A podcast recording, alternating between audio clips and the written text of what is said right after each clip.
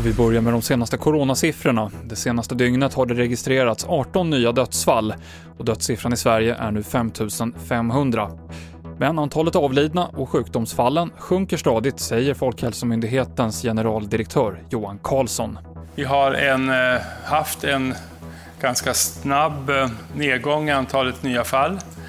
Vi är nere nu på siffror som är tillbaka till eh, i princip innan den här pucken uppstod. Karlsson sa också att förbudet mot att samlas fler än 50 personer lär gälla hela sommaren. Och hela dagens presskonferens finns att se på TV4 Play.